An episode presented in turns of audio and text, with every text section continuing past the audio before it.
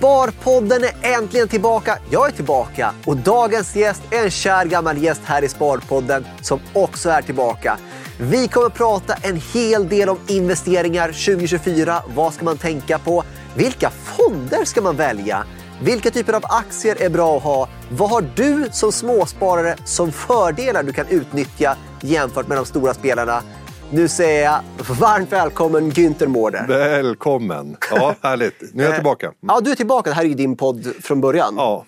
Om vi börjar inleda med det här året. Mm. Vi har haft ett, eh, vad ska man säga, skakigt start på det här året. Men en fruktansvärt bra avslutning på förra. Det var väldigt starkt på slutet. Ehm, ja, sen har det generellt sett varit mycket skak på börsen.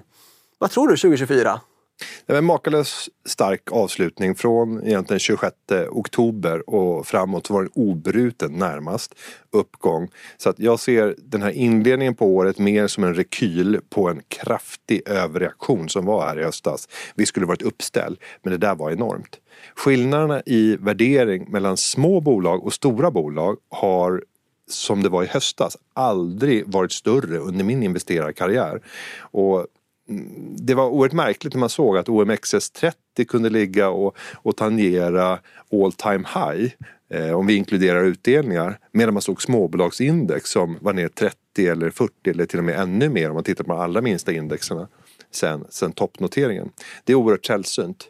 Men det är ju ett, en signal om riskaptiten som inte har funnits där och det ser vi framförallt i bristen på noteringar och jag tror att det kommer att börja ljusna successivt. Det kommer inte ske med blixtens hastighet. Och därför blir den här reaktionen som vi såg i höstas lite för överdriven. Ingen vill missa tåget när det väl går och då får vi överreaktioner. Men, men jag tror att eh, vi kommer gå ett, eh, ett hyggligt år till mötes här 2024 även om det har inletts lite motigt.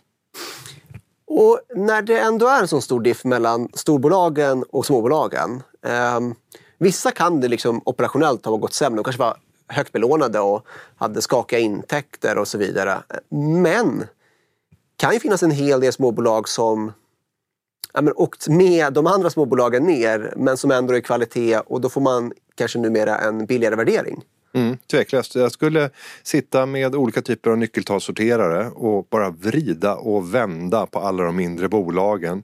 Och gärna om man är en, en, investerare som kanske inte har så mycket kapital utan där en investering på 50 eller 100 000 kronor är att betrakta som en stor investering.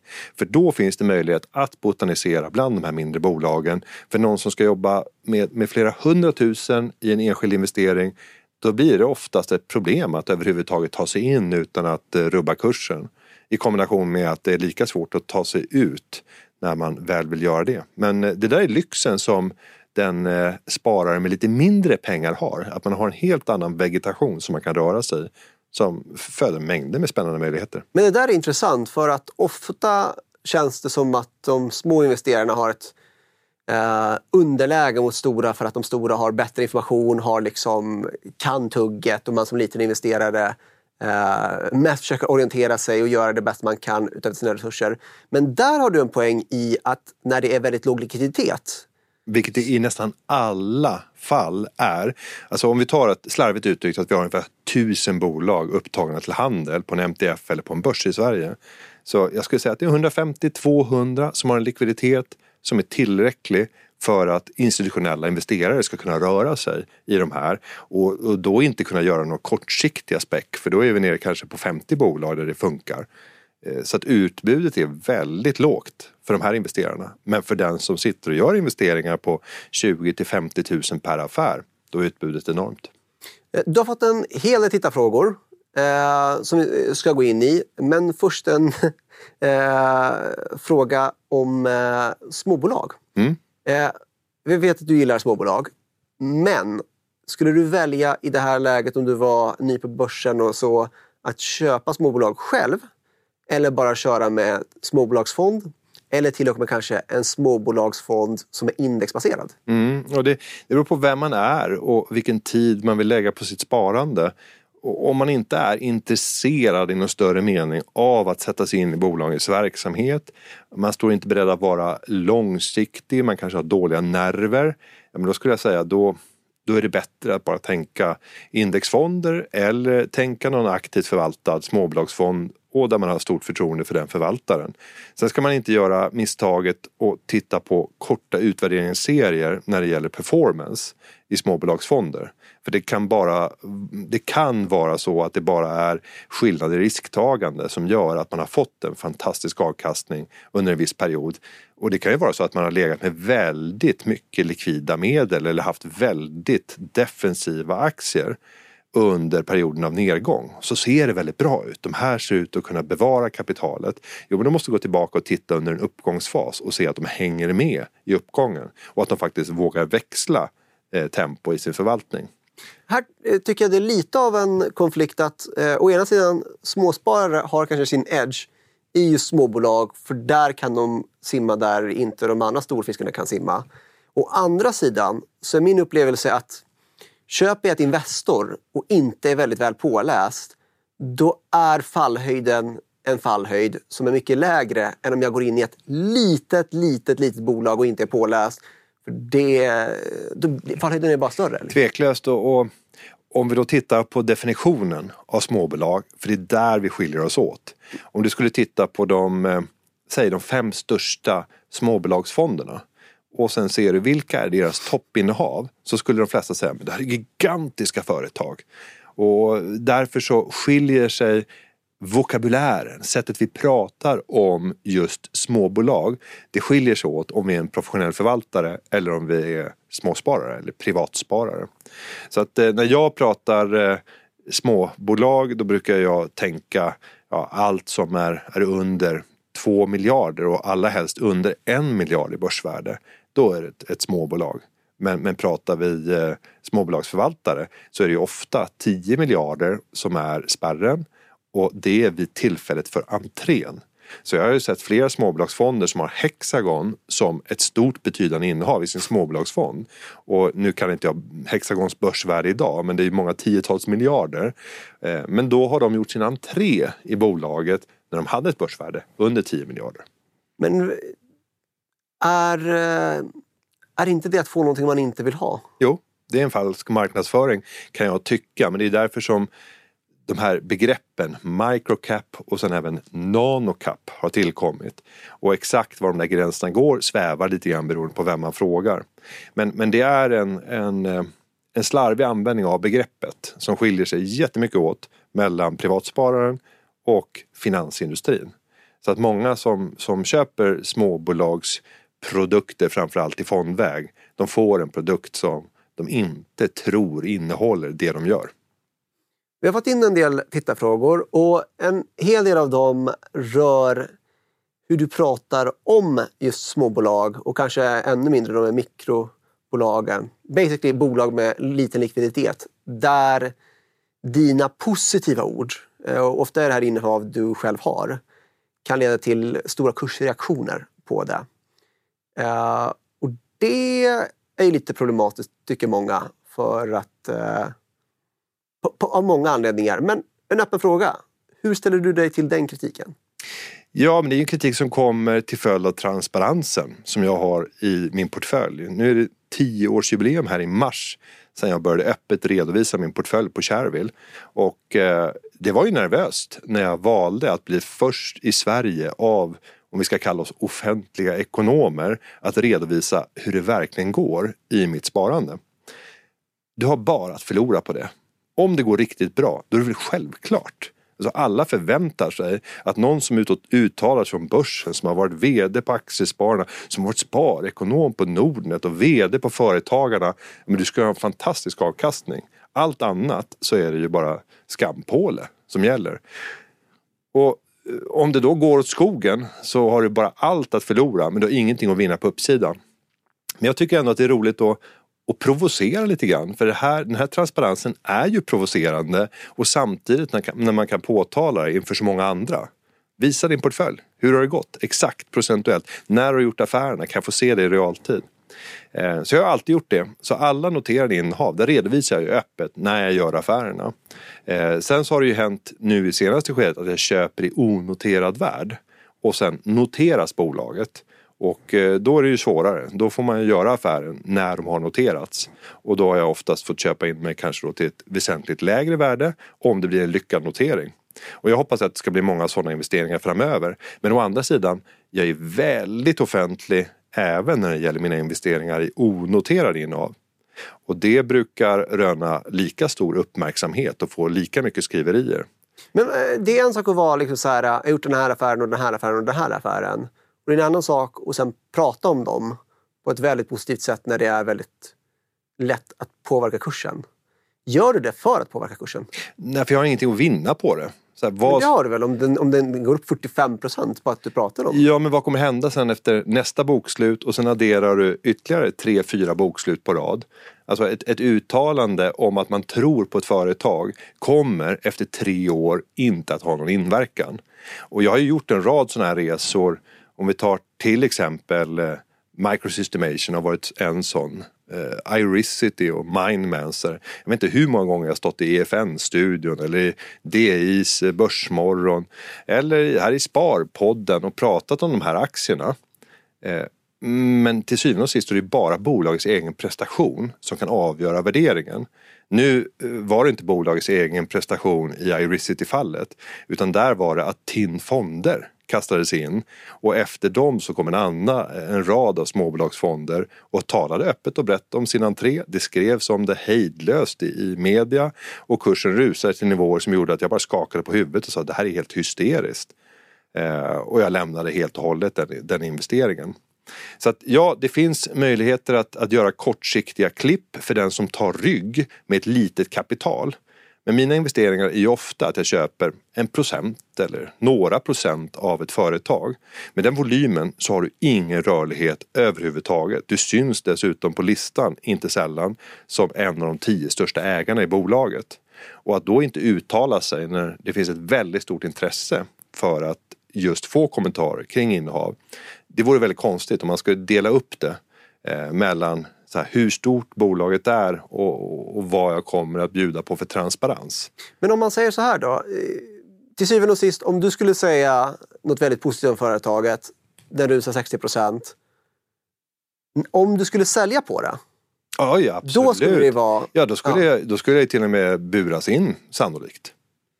Så, Tveklöst. Ja, mm. Så när du uttalar dig, låser du dig inte fast i en investering ett bra tag? Ja, fast det har jag ju redan gjort när man köpt en så stor position. Ja. Alltså köper du en procent eller två procent av ett bolag, då kan du normalt sett inte röra dig. Och är det ett bolag med en låg omsättning, då är det närmast omöjligt.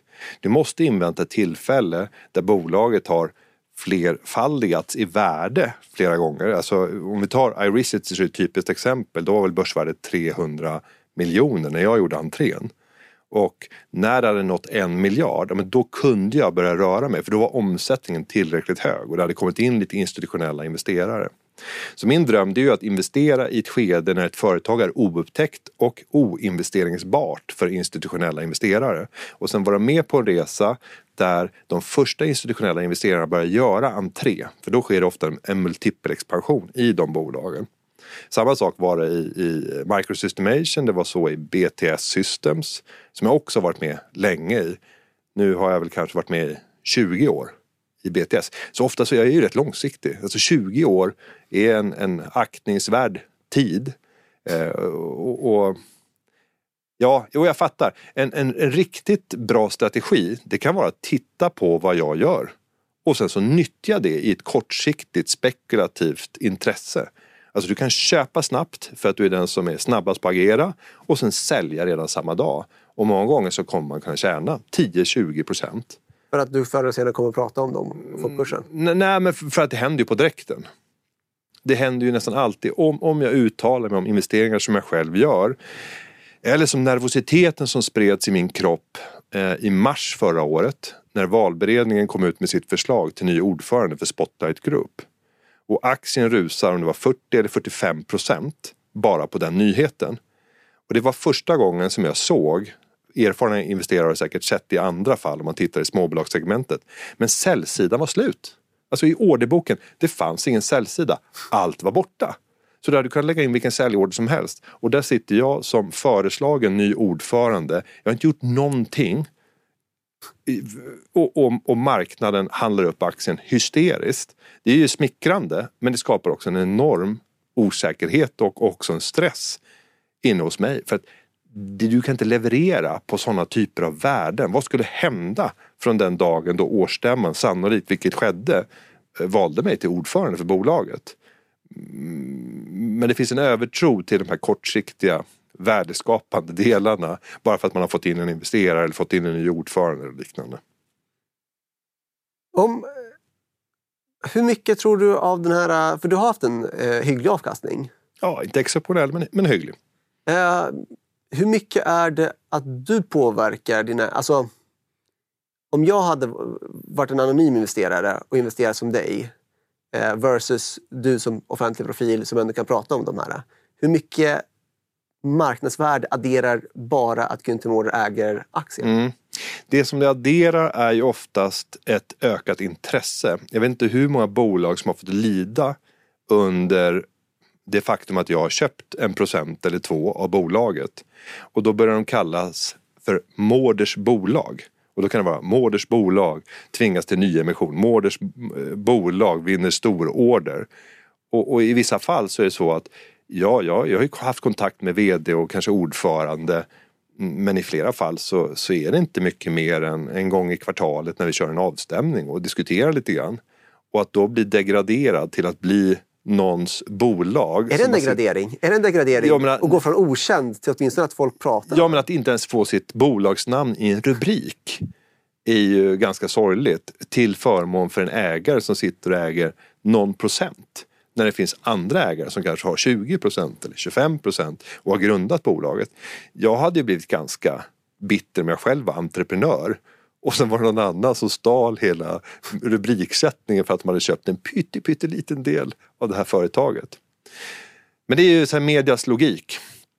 Och jag, om vi nu tar det senaste som jag har fått vara ute och diskutera rätt mycket på X framförallt. Eh, så är det ju de, den krönika som jag skrev innan jul där jag berättade om mina två senaste småbolagsinvesteringar. Och eh, då får jag inte säga namnet på, på dem här. Men du får säga namnet på de här. Ja, ja men det har jag köpt i GoSol som är ett bolag inom energilagring, laddinfrastruktur och eh, solenergi. Och Frilansfinans som jobbar med egenanställning eh, Eh, och har Sveriges största marknadsledare inom egenanställning för dig som inte har företag men vill kunna fakturera. Och eh, i det läget så tänkte jag att det bidrar till ännu mer transparens om jag använder ytan här för att direkt och samtidigt kommunicera. Istället för att det är bara följarna på Shareville-portföljen som ser köpet. Därefter så lägger jag ut den korta analys som jag delar med mig av med målkurs och mina bevekelsegrunder till investeringen och vilka frågetecken jag eventuellt har. För jag har alltid de kommentarerna när jag gör investeringar. Och då skulle jag ju lagt ut det först på Shareville och därefter så gör jag inlägg på X och på LinkedIn. Och då kan våg 2 ta del av informationen. Redan där så kommer det bli en dramatisk kursrörelse. Så stor kursrörelse att det blir en nyhet. För att du måste kommentera om ett mindre bolag har gått upp med 25 eller 30 procent. Vad är det bakomliggande skälet att den här är dagens vinnare? Och då måste Dagens Industri och andra finansmedia, Nyhetsbyrån Direkt, Finwire skriva och förklara vad som ligger bakom det. Och då kommer det i våg två. Och sen kan det komma ut en printversion dagen efter. Eh, I Dagens Industri kanske. Och, och då kommer nästa våg av information och också undertryck. Så att det blir egentligen en, en ännu större effekt och större marknadspåverkan i ett kortsiktigt perspektiv. Sen kan jag lova, efter någon vecka eller två så är det där bortblåst. Det finns inte kvar. Eh, och framförallt efter nästa kvartalsrapport så är det bara det som gäller. Och i de flesta fallen om man går tillbaka historiskt så ser man att jag har inte varit någon mästare på timing. Det är inte så att jag har köpt och träffat bottnar. Utan många gånger så har man kunnat göra samma investering som jag har gjort men lite senare och kunnat få det till ett lägre pris. För det har uppstått bättre lägen. Eh, så att eh, det, det om något är väl en förklaring på att nej, det är ingen förklaring till, till en avkastning över tid. Utan det handlar om långsiktigt hitta bra bolag och våga rida ut och vara långsiktig. Spola inte bort den här reklamen. Det här handlar om indexfonder. Ni älskar det, jag älskar det också. Det är inte så konstigt. De är väldigt billiga, enkla att ha att göra med och man får en jättebra riskspridning, speciellt om man har flera olika indexfonder. Och vad är fördelen med att ha de här på Nordnet? Jo, det är att du kan välja mellan 100 stycken indexfonder, varav de populäraste är Nordnets egna indexfonder. Till exempel Nordnet Sverige Index. 0% i avgift. 170 000 sparare har hittat i den här fonden och den skaran växer. Och det är inte så konstigt. Billigt, enkelt, bra spridning. Sen har vi en indexfond mot Finland, en indexfond mot Norge. Båda de har 0% förvaltningsavgift, också jättepopulära. Och vi har också indexfonder mot till exempel teknik eller globalindex. Och här finns det två att välja mellan. Dels ett vanligt globalindex, men vi har också en ny fond som är Global 125. Det är att man får globalindexet med en liten hävstång. Kom ihåg att det historiskt har gått bra på börsen är ingen garanti för framtiden att det också ska gå bra. Dessutom, när man investerar i finansiella instrument kan man förlora hela sitt belopp man investerar. Tänk också på att när vi pratar om Global 125-fonden, då är det hävstång. Det ökar risken. På den så finns det också en räntekostnad och därmed också en till risk att ta hänsyn till. Men nu har ni kanske blivit inspirerade av indexfonder, även kunskap om riskerna. Tillbaks till intervjun! Men om man är... Eh, man behöver inte vara ny på börsen. Man kan ha varit där ett tag och bara liksom inte är nöjd med bolagen man har haft. Vad ska man titta på för nyckeltal för att ja, men till att börja med sålla bort skiten mm. och sen kanske till och med sålla fram någonting man verkligen vill ha? Men jag skulle börja med att gå in och titta på de mest närliggande konkurrenterna som finns. Gärna i lokal marknad så att vi får samma valuta. Och sen så eh, titta på kursjämförelser. Hittar du ett jämförelseverktyg där du kan lägga kurserna på varandra och jämföra, det kan man väl göra på Nordnet och addera på se hur stora likheter finns i kursutvecklingen för bolagen som befinner sig i den här sektorn där jag har investerat. För där kan du ganska snabbt lista ut, har mitt bolag underpresterat eller min aktie underpresterat? Eh, och beror det på att det här bolaget har gått mycket sämre? För då kan man sen gå in och titta i bolagets utveckling och det första är att titta på försäljningsutveckling. Jämför tillväxten eller tappet i försäljning med de närliggande konkurrenterna och försök lista ut, tappar det företaget som jag äger aktier i marknadsandelar just nu? Eller förlorar man i förhållande till någon annan? Eller är det någon annan som är mer framgångsrik än det här företaget som jag har investerat i? Och genom att göra det så kommer du ganska snabbt få en känsla för är det här drivet av marknaden eller är det drivet av den underliggande prestationen i bolaget? Eh, och är det så att bolaget har gått sämre och aktien har underpresterat eh, samtidigt, då kommer det vara en katastrofal utveckling och då kommer du se att den här aktien som du äger, den har gått mycket sämre än de närliggande konkurrenterna. Och då skulle jag fundera över så här, vad är triggers, alltså möjliggörarna för det här bolaget att plötsligt vända utvecklingen? Vad skulle kunna få kunderna att plötsligt börja ändra beteende och återvända kanske lämna de här nya aktörerna, det behöver inte vara nya, men lämna de aktörerna som vinner affärer idag för att gå till den här aktören som har förlorat. Och då tycker jag att du ska försöka lista de sakerna. Vad är grunden? Och en sak det är ju att komma med ett bättre erbjudande. Och då får du titta på hur ser erbjudandet ut idag? Är det bättre eller krävs det stora investeringar för att göra erbjudandet bättre? Då kan man nästan slå, ge sig den på att det kommer ta tid för det här bolaget att överhuvudtaget ta sig upp rent erbjudande vis till de andras nivå. Hade det inte varit enklare att bara ta, om man nu ändå har identifierat konkurrenter, ser någon som tar marknadsandel och det är inte mitt bolag, att bara byta bolag? Jo, det är dit vi är på väg. Men, men, om du gör en analys där du ser att ett skäl till att det här bolaget har gått så dåligt det är att de har under senaste åren utvecklat en helt, ett helt nytt erbjudande. Det kan vara att man har tagit fram en ny produkt eller man har utvecklat ett nytt system som ska leverera de här lösningarna. Och man har gjort det med hjälp av egen anställd personal och man har inte lagt någon av utvecklingskostnaderna på balansräkningen utan man har tagit det direkt mot resultaträkningen och bara sagt att eh, vi, vi tar kostnaderna omedelbart.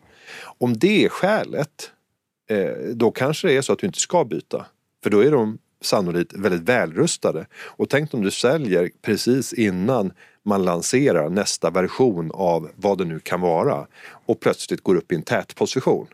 Det där brukar aldrig ske under radarn utan bolagen är väldigt duktiga med att berätta om det här för marknaden för att på så sätt slippa den negativa utveckling som, som kommer när man gör utvecklingsarbeten. Och tar vi Nordnet som ett exempel, jag får ju fritt här, tala om Nordnet, du får vara lite försiktigare. Men ett av de bärande skälen skulle jag säga, eh, och det kommunicerades ju också till att man lämnade börsen, det var ju att man stod inför en utvecklingspuckel.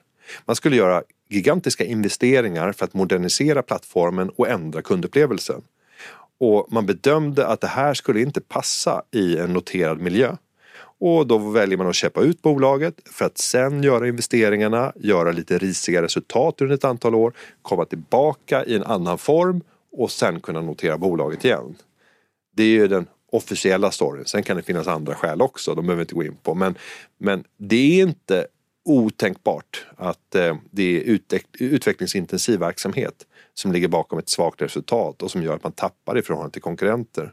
Jag är inblandad i företag där det här sker stötvis. Så här, du, du gör utvecklingsarbete och, och, du vet att under de åren så kommer andra ha hunnit ikapp dig och eftersom de har kunnat titta på dig och kopiera precis det du gör så kan de göra det lite bättre. För de slipper göra de där misstagen. Men kan man inte som företag bara vara jättehjälpsam mot sina investerare och berätta jättetydligt att nu kommer det vara lite tuffare?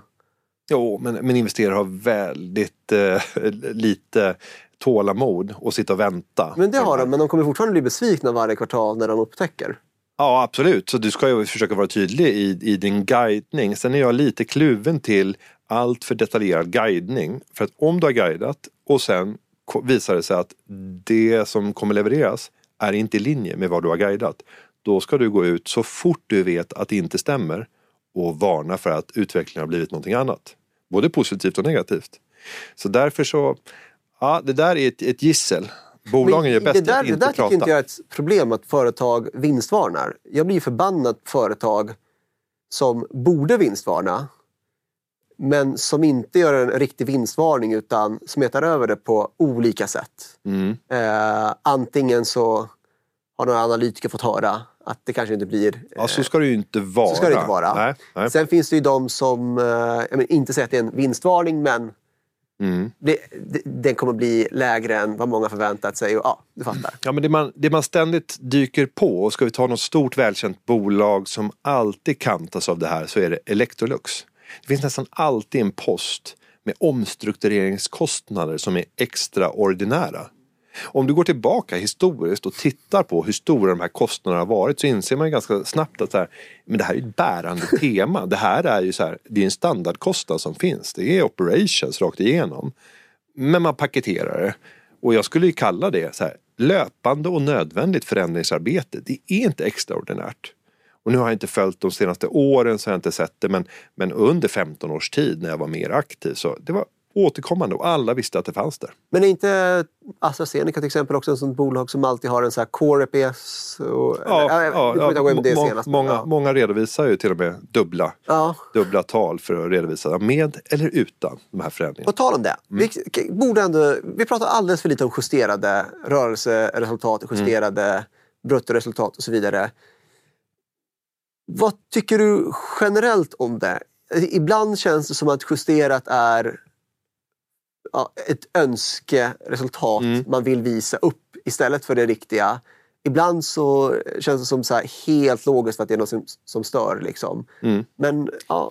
Men det ska finnas en tydlig grund där du kan argumentera för att om jag skulle visa det här resultatet så är det helt felaktigt. Det ger en missvisande bild. Om du inte kan stå upp bakom det då ska du nog sannolikt inte eh, redovisa dubbla resultat, ett justerat och ett, ett vanligt. Utan snarare bara kommentera och ha ett resultat att förhålla sig till. Och snarare säga att om det här hade gällt då hade resultatet blivit så här mycket bättre eller så här mycket sämre. Och eh, Jag tycker att vi går vidare på frågor som du har fått från tittarna. Så vi tar den här. Eh, tycker han inte att han gått för långt i sitt sparande? Det finns mer att göra och jobba på. Eh, och det här ska jag säga Günther, mm. den här frågan har jag fått av folk till mig om dig, för de tror att jag har svaret på det här. Eh, för jag har det inte. Eh, du har en levnadskostnad som är väldigt låg. Ja, men den har ökat dramatiskt Den var på Nordnet. Mm. Från låga nivåer. Du har en låg levnadskostnad. 27 000 i månaden Du pratade familjen. nyss om att äta djurfoder. Ja. Eh, så, så vi, vi är fortfarande där. Det är, så mycket har det inte ökat. Liksom. Det kan inte kosta mycket. Du behöver inte så mycket pengar. Ändå har vi haft, eh, i podden nu kanske 25 minuter in, så har vi ändå bara pratat om aktier, hur man tjänar mer pengar. Varför? Mm. Nej, men för mig så har det ju blivit en, en livsstil och sen ska man väl också tillägga att nu för första gången i livet så finns det ju ett reellt behov av det. Så här, för första gången så har ju jag, eh, ja men jag har ju sagt upp mig.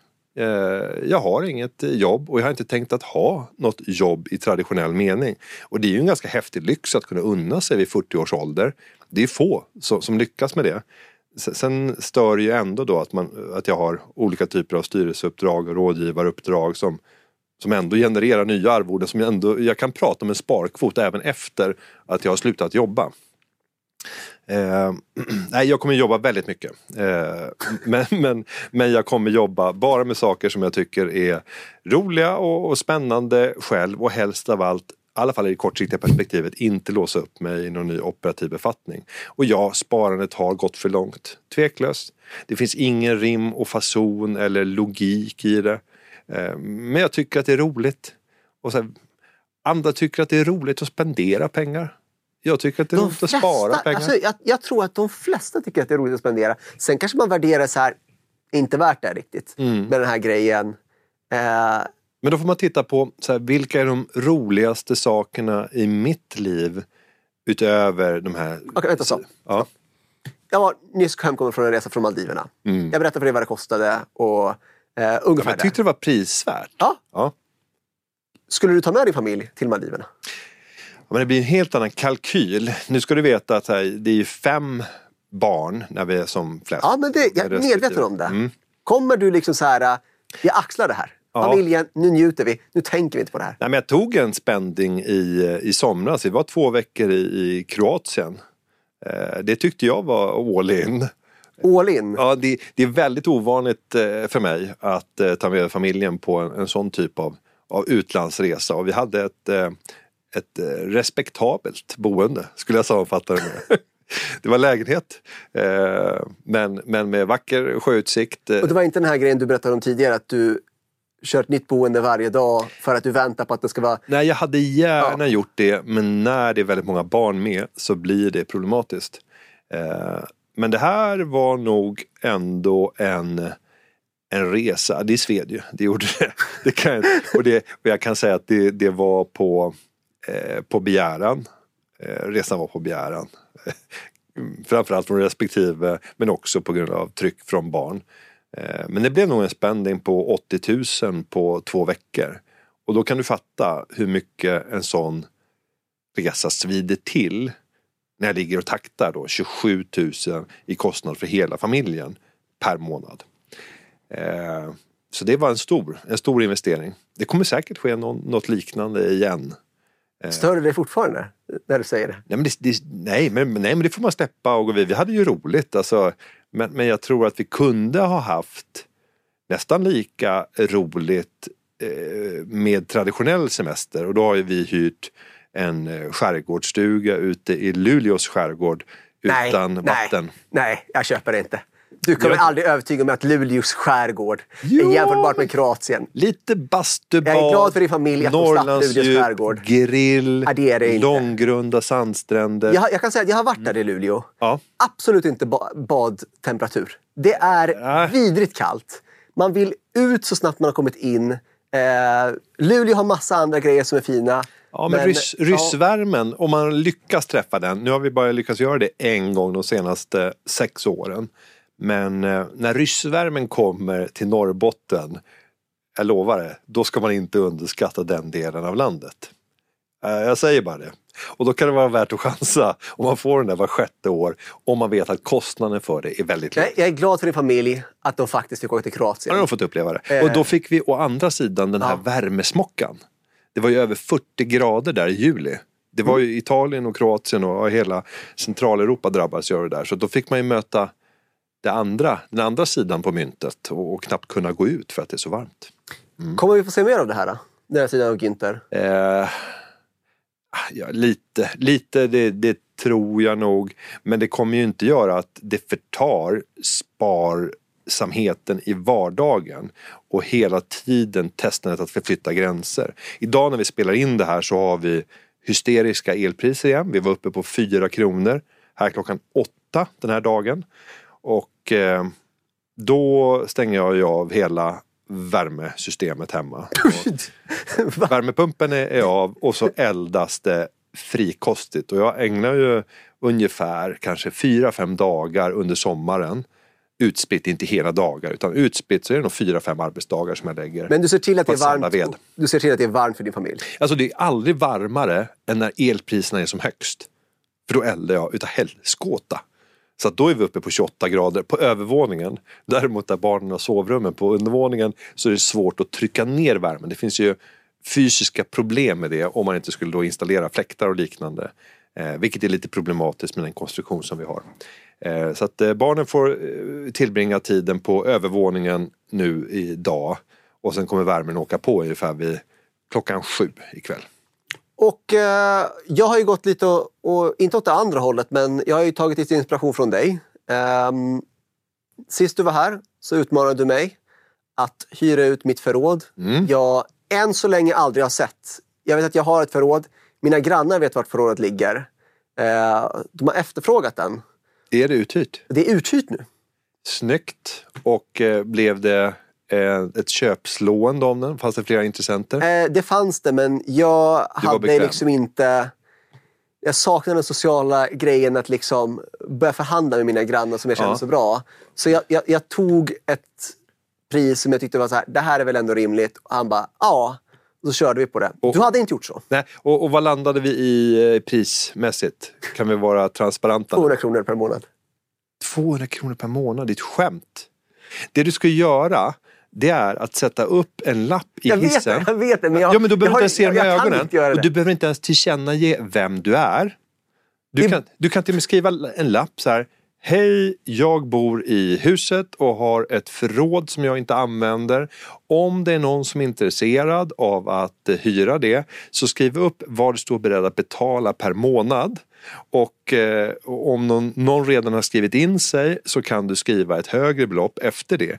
Så att folk i hissen får börja köpslå över varandra och du har inte ens offentliggjort vem du är som ska hyra ut det. Och du kan ju komma ut till den här hyresgästen igen och säga att jag har fått ett erbjudande nu om 500 kronor i månaden. Nej. Vad skulle det kosta i besvär för den här personen? jag kan inte. Jo, men som nu har massa Jag, saker. jag kan inte. Jag kan inte. Han är... Vänd, men vänd på frågan. Så här, om du skulle gå fram till den personen och säga nu har jag fått ett erbjudande om att hyra ut för 500 kronor i månaden. Jag hade tänkt att acceptera det och efter sommaren eller till sommaren eh, så vill jag att det är utflyttat om inte du står beredd att ta det till samma pris. Så jag förstår om du tycker att det, att det känns fel. Och då är, så här, det, då är valet, men, men jag lovar dig, personen skulle stå beredd att betala de där 500 kronorna. Jo, det skulle. Absolut. Men han kommer ju berätta det för folk. Han kommer ju berätta hur jag sitter... Han kommer berätta att han betalar Det marknadspris. stör kanske inte dig, det stör ju mig. Liksom. Att, att någon betalar Ja, marknadspris? jag börjar liksom, efter ett halvår av att han hyrt det och vi har så här, god relation så börjar jag liksom så här, äh, jag ska ha mer. Liksom. Jag, ska, jag ska pusha upp det. Det kanske var för billigt, det säger jag inte Ja, om. det var alldeles för Men jag kan inte billigt. gå tillbaka och bara, nu, nu är alldeles för det billigt. 500 liksom, nu när jag ändå flyttat in alla grejerna. Ja, för det du skulle göra det är att bara ta kontakt med olika typer av storageföretag på, på, på platsen där du bor. Och det finns ju förråd att hyra. Ja, jag såg. Och titta Ja. vad de kostar. Jag skulle tippa att du får betala ett och tre eller? För ett motsvarande. Nu vet inte jag hur stort förrådet Jag är. vet inte, jag har aldrig varit där. Jag har aldrig varit där. Så, att, eh, Så du vet ja. inte ens om det ens existerar. Nej, det, eh, han, han har ju betalt för det. Eh, ett, ett, ett tips Men, är ju att alltid inspektera vad man har. Ja, Alltså det. Jag är, jag är en av västvärldens sämsta liksom, eh, husägare. Det är, det är nyproduktion. Allt är Ja. precis som det var när jag köpte det. Det mina vänner kallar det för företagslägenhet. Det finns inga liksom, personliga detaljer riktigt. Nej. Eh, det är ett av de här husen, om jag får inbrott eh, så skickar jag mina sympatier till inbrottstjuvarna. Det finns absolut inget av värde att hitta där. Så att, eh, ja.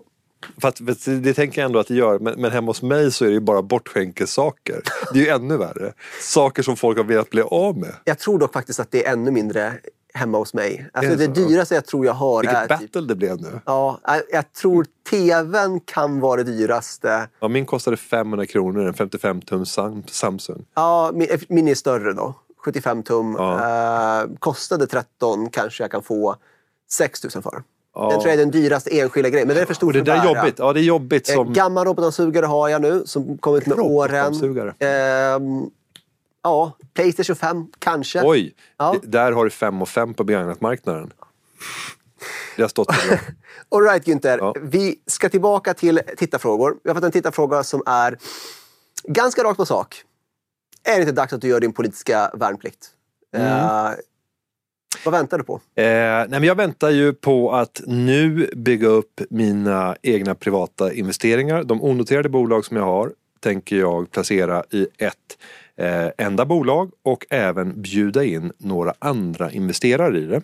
För att på så sätt eh, få ytterligare kapital att göra två, tre investeringar till. Idag, Du, du tänkte som Flat Capital gjorde, ish. Eh, jag kan inte exakt hur de har organiserat det och det är väl lite annan size på mig Ja. och Sebastian, tänker jag. Någorlunda kanske. Ja, ja. Så att jag, jag har fem stycken onoterade bolag idag. Det är väl skillnaden. Det är inte en påse pengar. Jag har fem stycken onoterade bolag. Eh, alla har en fin potential på olika sätt. Jag står beredd att vara långsiktig och med det sagt i vissa så är det evighetslångt. Alltså jag står beredd att lämna över det här till nästa generation. Men jag vill också få loss kapital för att kunna göra ytterligare några investeringar och kunna få en större riskspridning.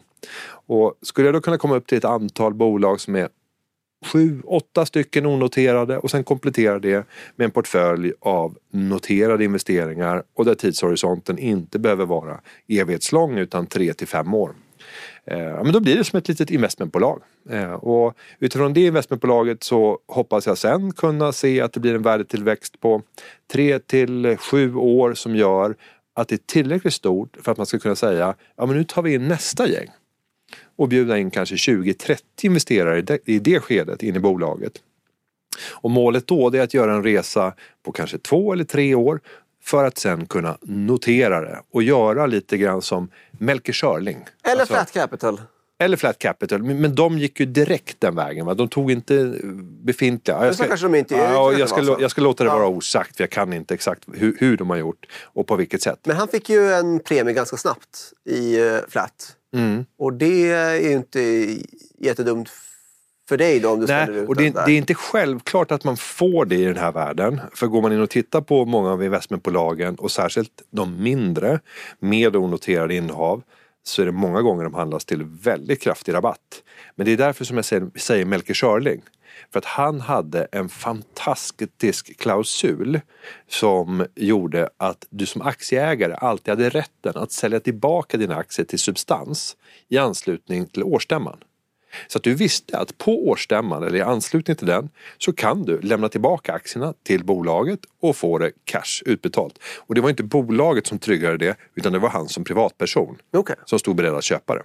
Så det fanns ett, ett återköpsantagande eh, på, på, på alla aktier.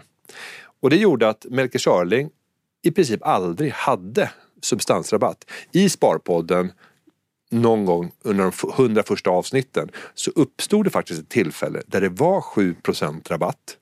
Och då kom ju vi med tipset att vänta nu, nu eftersom 90% av portföljen är noterad så kan du blanka portföljinnehaven och du kan köpa för de pengarna som du får in när du blankar dem kan du köpa Melker Schörling och med den räntekostnad som då var kanske 5% och de två månader eller tre månader var kvar till årsstämman så kunde du göra ett, ett faktiskt arbitrage. Eh, Men det var oerhört sällsynt och Ja. det gjorde ju att många började köpa och då försvann ju substansrabatten. Eh, Så den där affären gick ju upp i, i rök samma dag som avsnittet av Sparpodden släpptes. Men någon gjorde säkert några procent på den där. Eh, och, och varför säger jag då det här som svar på din fråga är det dags för politisk värnplikt? För du har till och med glömt vad du frågade. Ja. Eh, Men Det, då känns är det som de det, här... det, är inte ett, det, det, det är inte på tapeten än. Nej, men det är de här åren. Eh, för att då, när jag har noterat det bolaget och byggt en professionell organisation kring det som är, eh, de rider det här eh, företaget utan att jag behöver vara med i den dagliga inblandningen. Men jag vill gärna vara ordförande, jag vill vara kulturbärare och i den dagen som jag kun, eh, kan inta rollen som som hedersordförande, du vet när man ska skicka iväg någon för att göra någonting annat. Då tror jag att det är dags för mig att göra den politiska värnplikten. Och det skulle kunna vara inom eh, 8 till 10 år. Det kan 8 vara. till 10 år? Det kan vara 8 till 10 år. Är det statsministerposten som, som, du siktar på eller är det? Nej, jag vill inte, jag vill inte, jag vill inte förhäva mig. Förhäva dig? Förhäva mig. Eh, nej men jag, jag, jag kan tänka mig också att börja ganska, ganska lugnt och ta den långa vägen. Eh, jag fattar ju att det är rätt svårt att ta sig in i de politiska strukturerna. Jag har ju varit i närheten av dem under många år nu men aldrig varit inne i dem. Jag har inte gjort mina år i ungdomsorganisationen. Jag var ju i Ung Aktiesparare. Men inte det, kan inte det också vara en edge numera? Att man är, sticker ut? Nej, inte när det kommer till internvalen. Alltså du måste fatta hur demokratin inom partierna för hur man röstar fram vilka som ska vara riksdagskandidaterna går till.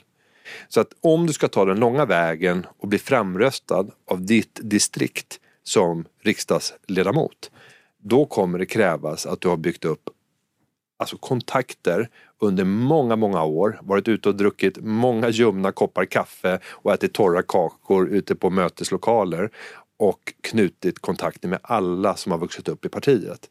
För du kommer hålla varandra om ryggen. Eh, så funkar det. Och vi kommer att vara mer lojala de som vi hade som vänner för 10 och 20 år sedan än någon som är kanske kompetent och kommer in med andra perspektiv men som du inte har någon historia tillsammans med.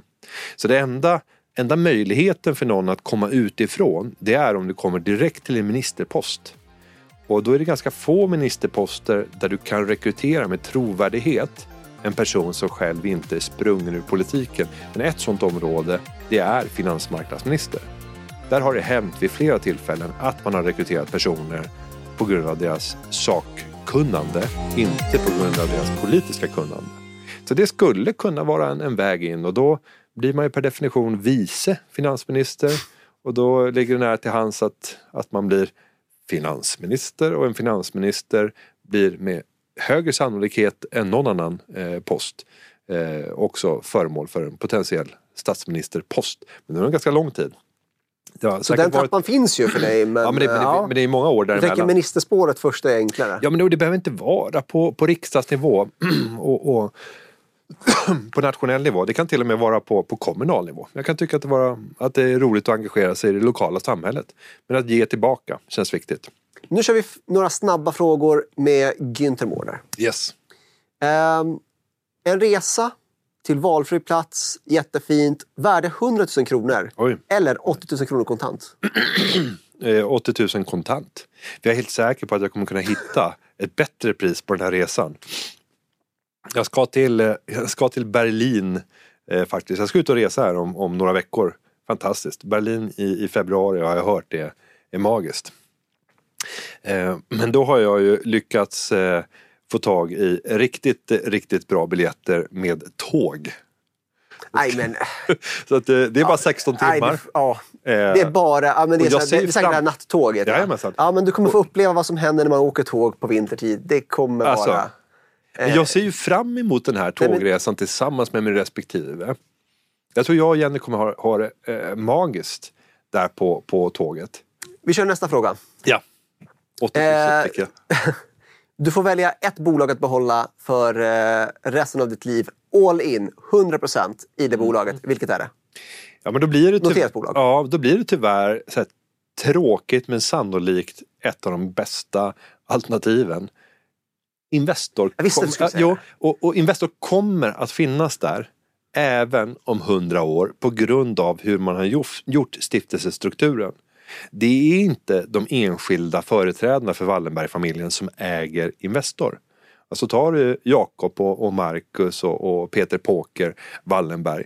Det är inte de som äger. Utan det är stiftelserna som äger och det är det som säkrar eh, det långsiktiga. Det gör att jag tror mer i ett hundraårigt perspektiv på Investor än vad jag gör på Lundberg.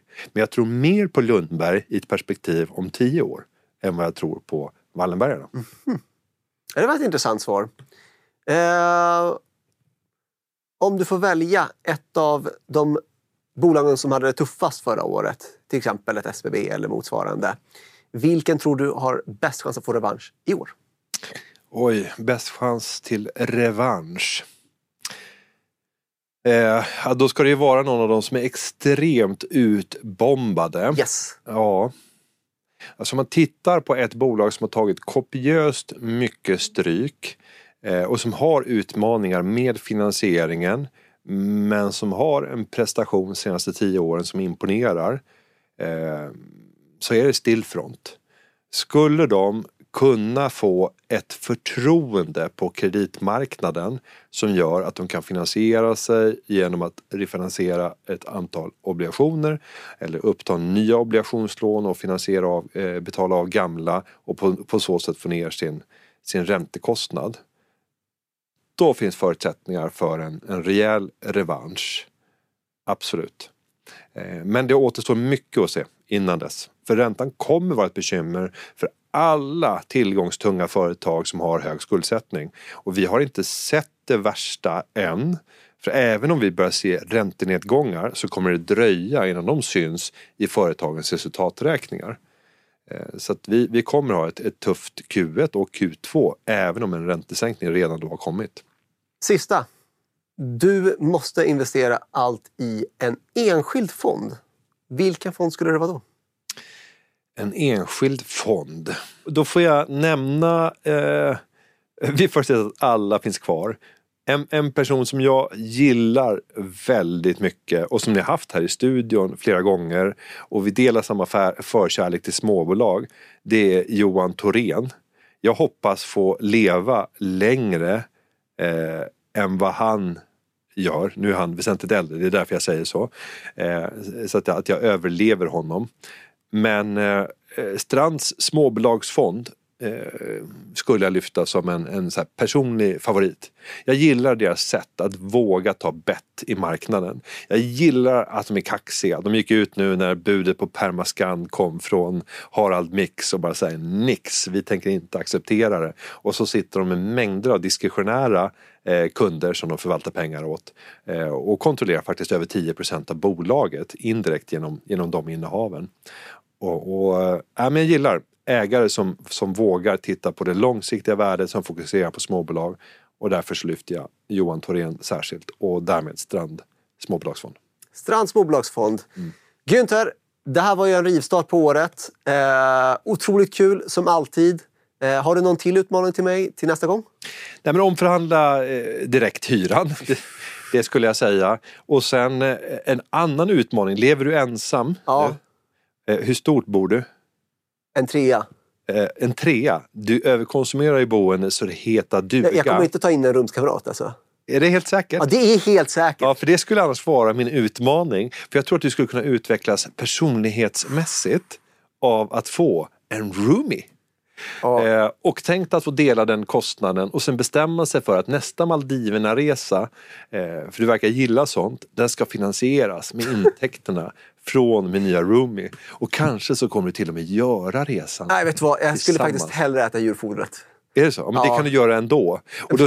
det, är inte, inte ändå, i så fall så skippar jag en roommate. Och, då, och ja. vi ska bara vara tydliga så, så, att inte lyssnarna springer iväg och köper kattmat här. Det handlar om tredjehandssorteringen av knäckebröd med djurfoder. Det, det är också viktigt att skilja på, på det, det tunga djurfodret och eh, människomat som egentligen är lite för sönderbrutet ja. för att kunna säljas i vanlig butik och därför så skriver man djurfoder på det. Eh, sen tror jag att det har en nackdel rent skattemässigt. För djurfoder, undrar om vi inte betalar 25 i moms på det. Eh, till skillnad mot matmomsen då på 12, 12 Ja, där, det, det, där kanske du gick vet. Ja, ja. Och, och, faktum är att jag ska jag faktiskt kolla på kvittot och se om de har Om de har definierat det på det sättet. Ja. Spännande, nu fick jag en ja, du, Det får du kolla upp. Det får, du, det får bli din utmaning. Kolla om djurfodret. Ja. Märkningen gjorde att du fick betala mer i skatt. Annars så döper de bara om det till Güntherfoder. och så då blir det 12 procent. Målarportföljen. Mm. Eh, och med de orden så säger vi tack för denna gång med Sparpodden. Vi är tillbaka nästa vecka. Missa inte oss då. På återseende! Tack Günther. Tackar, tackar.